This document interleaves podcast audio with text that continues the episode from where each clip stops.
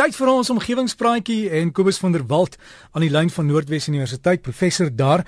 En Kobus, ek het vroeër gepraat oor die spelling wat 'n mens deesdae uh, raakloop. Jy merk seker verskriklike goed raak daar, né? Derek, ja, goeiemôre. Goeiemôre al ons omgewingsvriende. Uh dit is nogal 'n 'n probleem deesdae want ek weet nie hoeveel keer in my loopbaan is ek nou al onverskoning gevra. Een woord en met 'n N uh vir iets wat 'n student nou nie gedoen het soos hy vra as 'n referaat nie ingegee het nie of so. En uh die jong mense lyk my geen eintlik om meer nie. Maar dis nie net by die jong mense nie, Derek. Ek hoor nou nou in die advertensie, een van die advertensies wat uitgesaai is net voor die uh, liedjie wat jy nou net gespeel het, dat uh ons tog nie moet uitmis op die spesiale aanbiedinge van die terugskool toe goed nie. Nou ek wens vir die mense wil besef om iets uit te mis en om 'n geleentheid te laat verbygaan is twee heeltemal verskillende goed.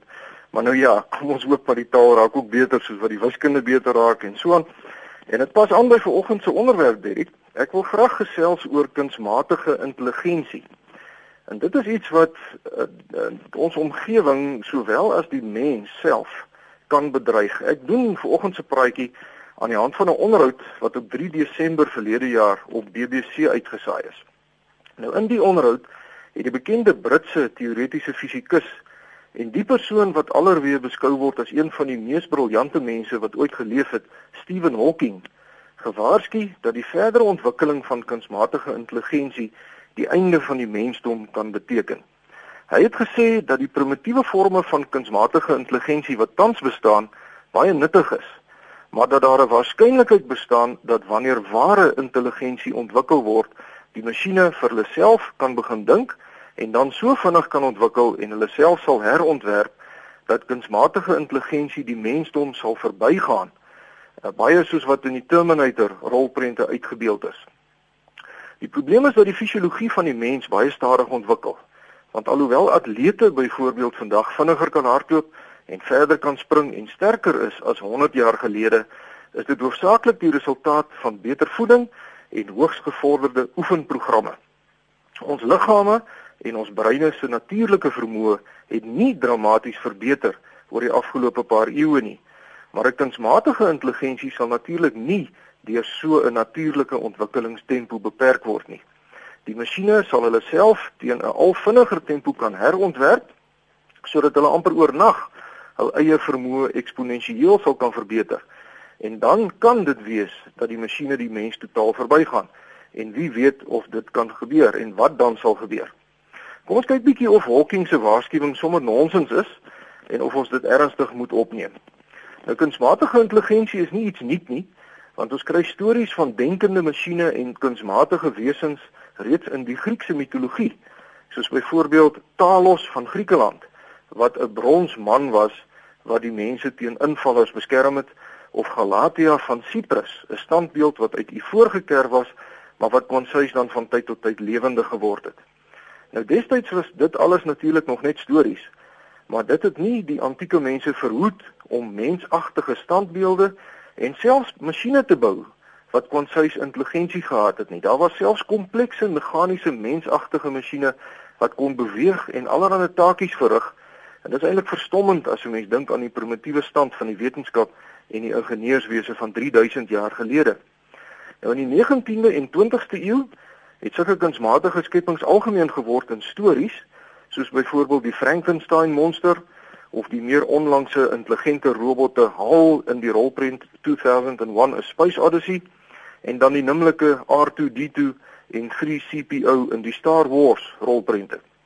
Nou dit het egter nie net by rolprente gebly nie, want Honda se robot met die naam Asimo verstom die mensdom sedert die jaar 2000 met sy vermoëns soos byvoorbeeld om te kan hardloop en trappe te klim en drankies aan te dra en heel intelligente gesprekke te voer met mense. Nou die eksponensiële vooruitgang van die digitale rekenaar het daartoe gelei dat navorsing in die veld van kunsmatige intelligensie veral sedert die mid-1950s wêreldwyd baie skerp toegeneem het. En tans word intelligente masjiene algemeen gebruik in logistiek, data-ontginning en die mediese wetenskap. En hoewel die masjiene beperkte en gefokusde vermoëns het, oorskry dit die mens se vermoëns in daardie spesifieke take by verre. Soos byvoorbeeld skaakspelende robotte wat deesdae enige mens op aarde ligjare vooruit is.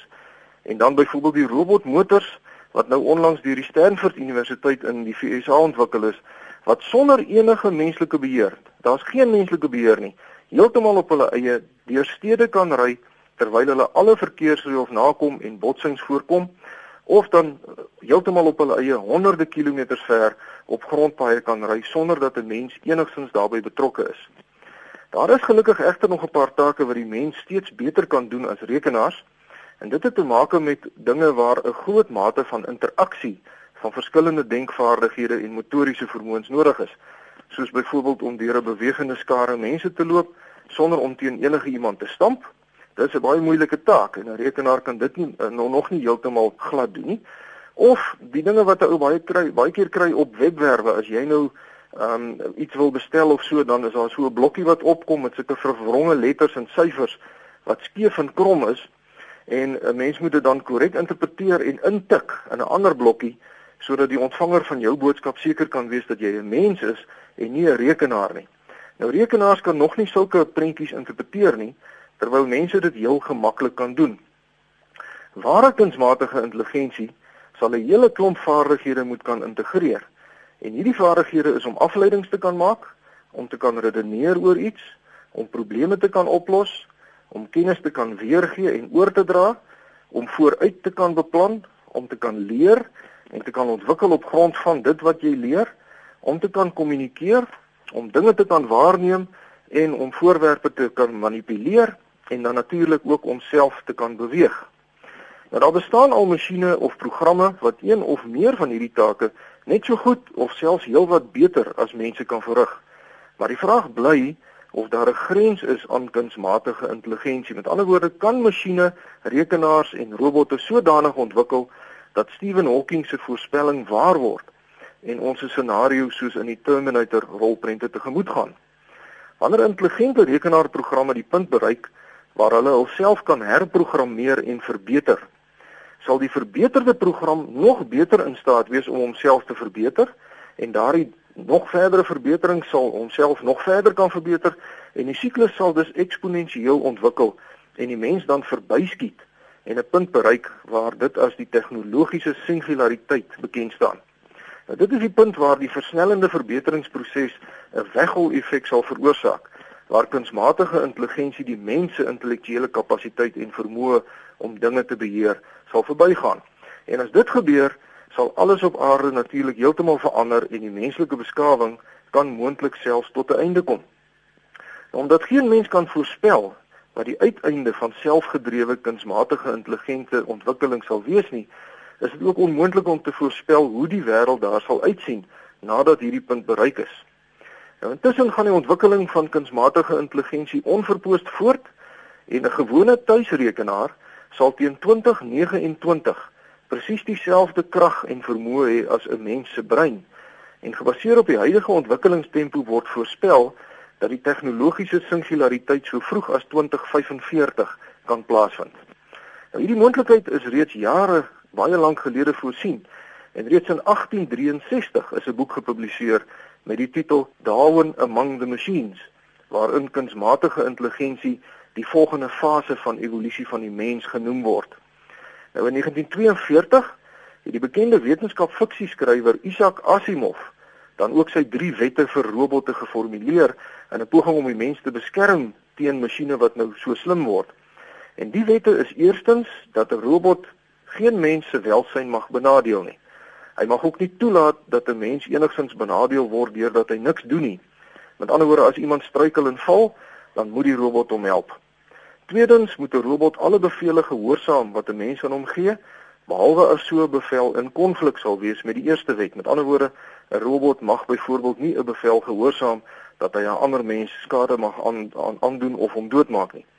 En in die derde plek moet 'n robot hom uh, homself dan beskerm. Hy moet sy eie welsyn beskerm behalwe as dit sal beteken dat dit in konflik met enige van die eerste twee wette sal wees.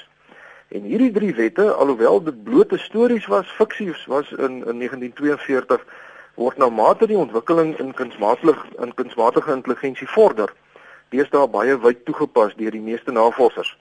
Die mense is versigtig en kom ons hoop hulle sal slim genoeg wees om die drie wette so deeglik in enige kunsmatige intelligensie in te bed dat dit vir die robot of die rekenaar onmoontlik sal wees om dit te ignoreer as ons moontlik dan nou by die tegnologiese singulariteit kom.